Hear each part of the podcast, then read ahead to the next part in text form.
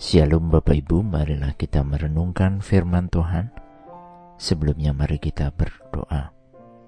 Tuhan kami mau bersyukur atas hidup kami.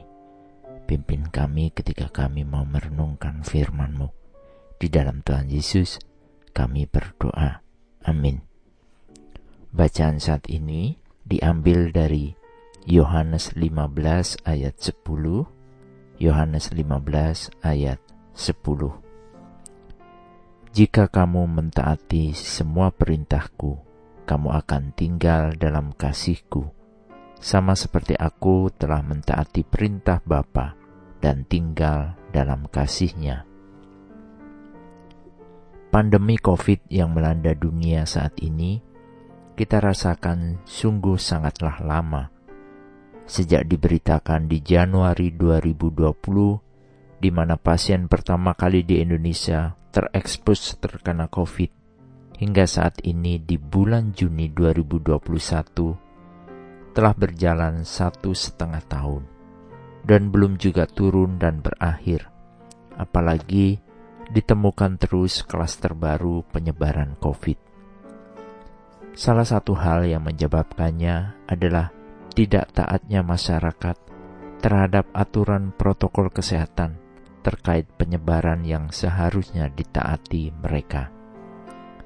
Bisa dibayangkan jika seorang yang memiliki potensi menularkan dua hingga tiga orang dengan waktu penularan rata-rata lima hari, seseorang yang tidak menjaga protokol kesehatan akan mudah menyebarkannya dan ini bisa terjadi sangatlah cepat.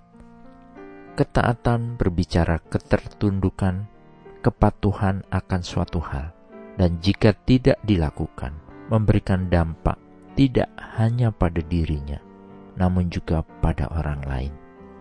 Demikian juga ketika ketaatan kita pada perintah Tuhan, seperti bacaan saat ini, jika tidak kita taati, maka akan memberikan dampak pada diri kita, bahkan juga pada orang lain. Bisa saja kita membawa bibit ketidaktaatan juga pada orang lain. Tuhan itu mengasihi kita tanpa syarat. Kasih Tuhan tersedia bagi semua orang, dan kita semua dapat diselamatkan masuk ke dalam kerajaan surgawinya.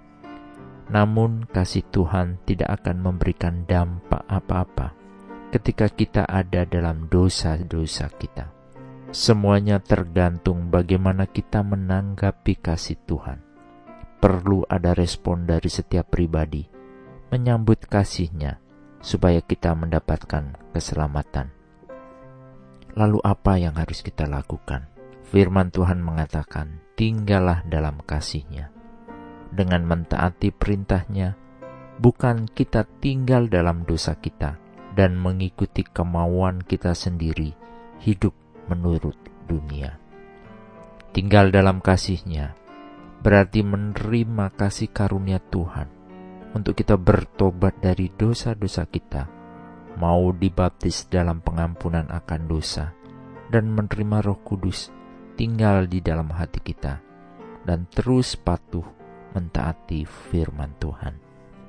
Ingatlah bahwa Tuhan menyelamatkan kita dari dosa-dosa ketika kita juga memberikan respon, mau keluar dari perilaku dosa dan mau menuruti dan taat perintahnya.